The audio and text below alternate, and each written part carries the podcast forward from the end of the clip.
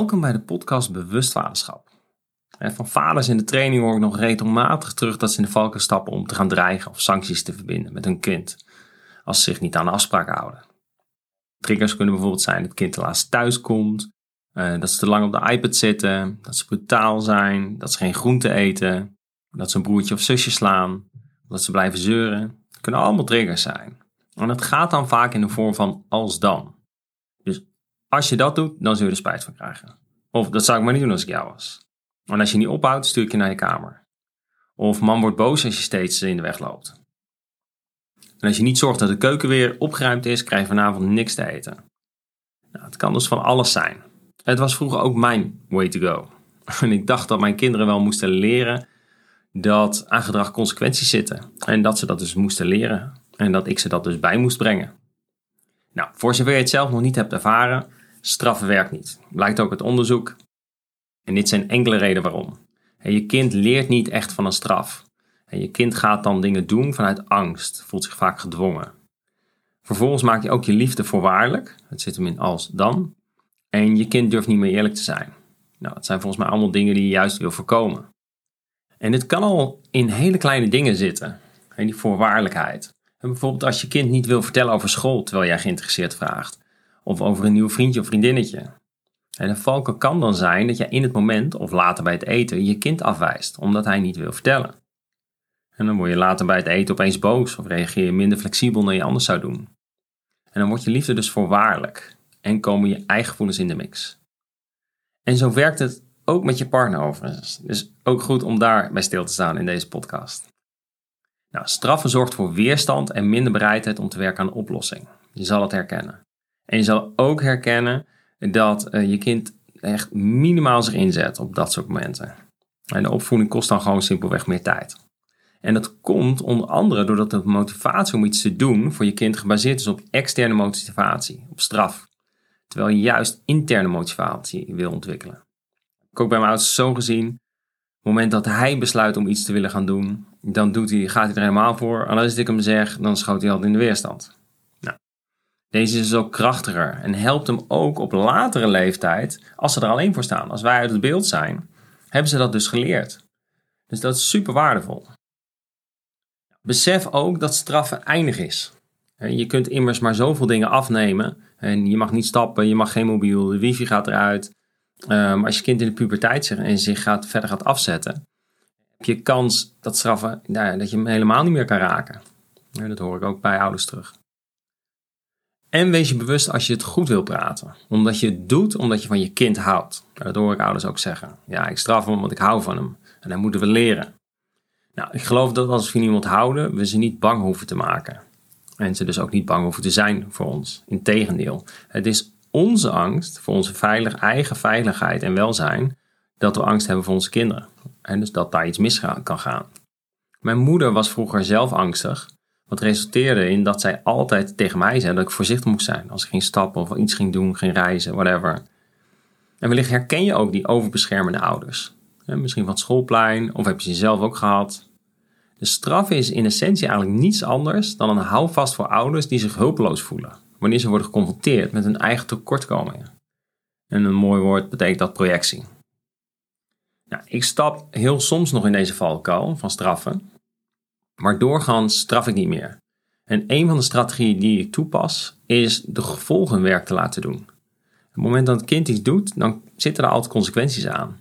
Dan hoef ik ze niet op een, voor te straffen, hoef ik ze niet op te wijzen. Soms is het wel nodig als het om veiligheid of gevaar gaat. Maar heel vaak werken die gewoon door. Als een kind niet opruimt, dan gaat hij op een gegeven moment zelf ook tegenaan lopen. Nou, dit heeft ervoor gezorgd dat de verbinding met mijn kinderen veel beter is. Ze luisteren beter en er is veel minder, lang, minder en lang conflict. Super fijn. Nou, wellicht herken je dat dilemma tussen niet willen straffen en toch je kind bewust willen maken van de consequenties. Nou, in de eerdere podcast heb ik stilgestaan bij de negatieve effecten van straffen en ook een concrete win-win aanpak gegeven. Hoe je dus op een goede manier gesprek kan gaan met je kind en een oplossing vindt die voor beide fijn is. Nou, hiervoor kan je terug naar podcast 16, wel of niet straffen. In deze podcast zoom ik nu in op wat maakt dat je het nodig hebt om te straffen. Want het zegt heel veel over jou, zoals ik net heb uitgelegd. Het kan zijn iets simpelweg Dat je niet beter weet, want je ouders deden het ook zo bij jou. Of je ziet het ook andere ouders doen en je weet niet hoe het anders kan. Nou, dit kunnen redenen zijn. Alleen wat mij betreft zijn dat geen goede redenen om je achter te verschuilen. Het meest interessante is de drijven in het moment te gaan herkennen van jezelf. Dus ouders straffen vaak hun kinderen omdat hun kinderen het gevoel van onmacht en tekortschieten triggeren. we zijn bang dat het niet goed komt met ons kind. Als het niet precies doen wat, hoe wij de wereld zien en wat wij denken wat het beste voor ze is. Ik zeg ook wel eens, als je kind niet volgens jouw films zich gedraagt. Kortom, we gaan dan controle inzetten op ons kind. Zodat we niet onze eigen onmacht hoeven te voelen. We onderdrukken ons gevoel van onmacht. En als ik doorvraag bij vaders over waarom ze straffen, kunnen ze het vaak niet goed uitleggen. En wat het belang voor het kind is, waarom ze iets willen op hun manier. En vaak kunnen ze het kind niet bereiken of beïnvloeden en weten ze het niet. En dan zetten ze dus macht in om een gevoel van controle te krijgen. Een eigen voorbeeld: mijn zoon wil niet naar bed. Ik vraag het hem en leg het vervolgens uit en dat we allemaal naar bed gaan enzovoort. Nou, binnen de kortste keer belanden we in een discussie.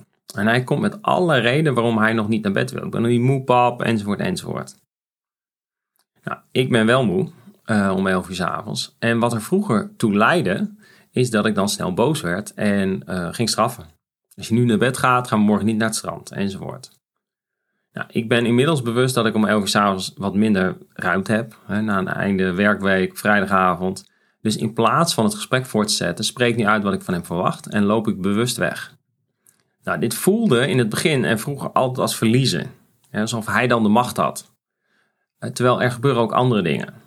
Het voordeel is dat hij niet meer met mij in discussie kan, wat een afleiding is. En dat er dus ruimte bij hem ontstaat om even na te denken hoe, wat hij eigenlijk wil. En dat is een van de voordelen. Nou, ik loop dan naar boven om mezelf een aantal vragen te stellen. En wellicht kunnen die vragen jou ook helpen op zo'n moment. Een van de eerste vragen die ik mezelf stel, is er een reden dat hij niet wil slapen? Want ik kan wel vinden dat hij naar bed moet. Maar als hij net heeft gesport of heeft gestoeid, vroeger gingen we altijd stoeien voor het slapen gaan, niet handig. Of als mijn kind bijvoorbeeld ergens bang voor is of tegenop ziet. En dan kan hij zich uit in boosheid, omstandigheid of whatever. Maar er is dan wat. Hij heeft dan ergens zeg maar, een storing. En dan kan hij niet zo makkelijk slapen. En dat is best logisch. Dus dan, als ik dan mijn agenda op hem plak, om 11 uur gaan we naar bed. Ja, dat werkt dan niet. En als ik dan dus door ga drukken, wordt het alleen maar erger. Andere vraag is, en daar zoomen we dus met name in deze podcast op in, is wat is mijn aandeel in dat hij niet naar bed wil? En dan stel ik mezelf bijvoorbeeld vragen als ben ik duidelijk geweest? Heel veel ouders denken dat ze duidelijk zijn, terwijl ze vaak veel gemixte signalen afgeven aan de kinderen, waardoor het helemaal niet duidelijk is. En bijvoorbeeld dat ouders benoemen wat het kind niet mag doen, maar vergeten wat het dan wel moet doen. Maakt ook dat mijn stelling is dat alle vormen van straffen liggen niet aan de kinderen, maar aan een gebrek van discipline van de ouders. Heel veel ouders vinden het heel lastig om wat ze zeggen voor te leven, op te volgen, uh, na te bespreken. Uh, vinden ze heel lastig. Uh, maar daar zit wel de essentie. Maar ook kijken naar mijn aandeel. Bijvoorbeeld als ik hem de hele dag heb genegeerd, niet aanwezig ben en in gedachten alleen maar met mijn werk bezig ben.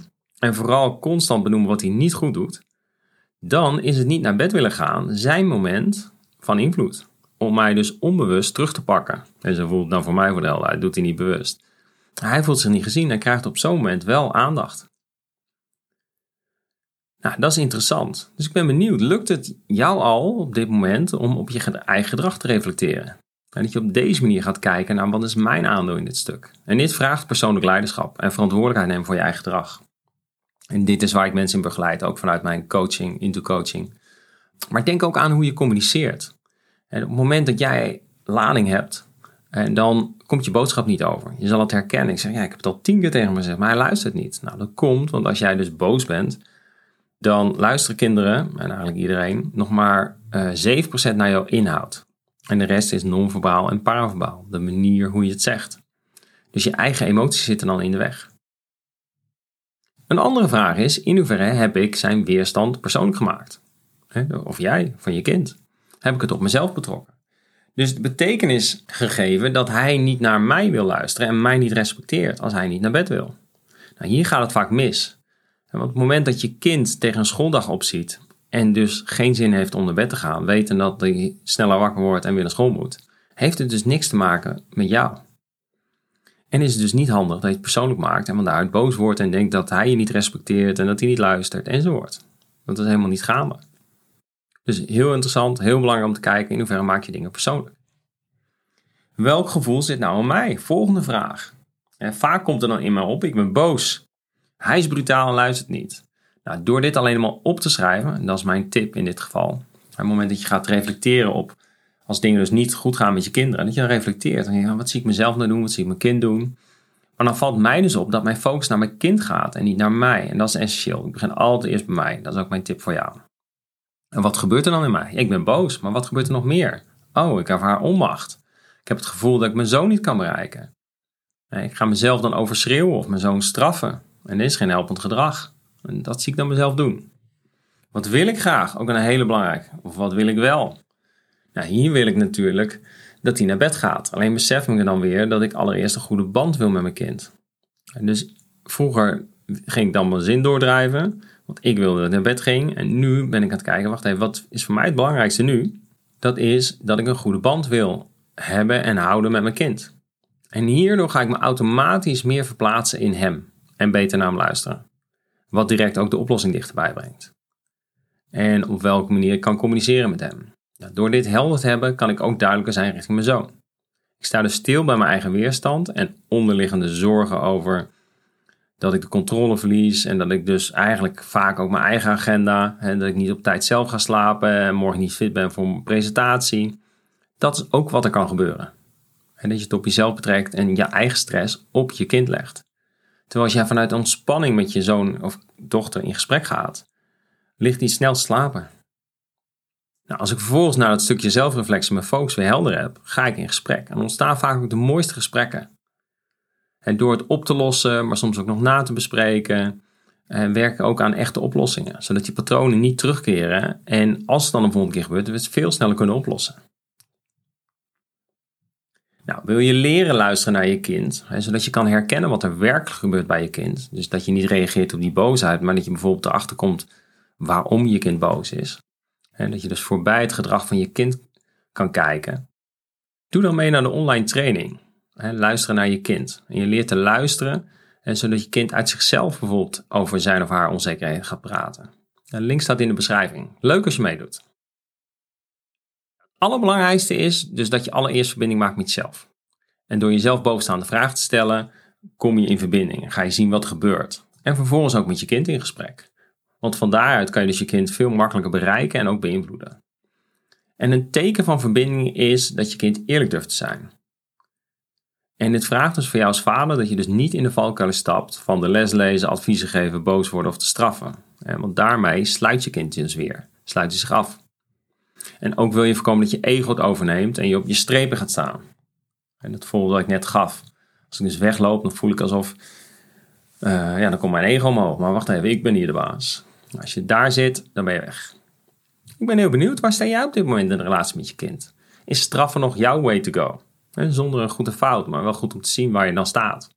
En zie je dat ook terug in de relatie met je kind, dat die wellicht wat oppervlakkig is. In ieder geval niet de diepte heeft die je graag zou willen, waarmee je er echt kan zijn voor je kind. Nou, nu je dit weet, kan je op een andere manier aan je bewust vaderschap gaan werken. En de belangrijkste taak is dus om ongemakkelijkheden, eigenlijk tekorten in jou te gaan onderzoeken. En hoe meer we dealen met onze eigen pijn, hoe minder we het op onze kinderen leggen. En door ze te straffen naar een beeld wat wij voor ze willen. Als je dit dus gaat doen, kunnen kinderen dus veel meer zichzelf zijn. En hoef je later ook veel minder te repareren, zijzelf of jullie samen. En je geeft je kind dus ook pas echt een mooi cadeau als je ze bevrijdt van de last om jouw dromen waar te maken. En want deze dromen zijn geworteld in jouw behoeften en niet die van hen. Ik hoop dat je er verder mee kan. Ik ben aan het einde gekomen van deze podcast.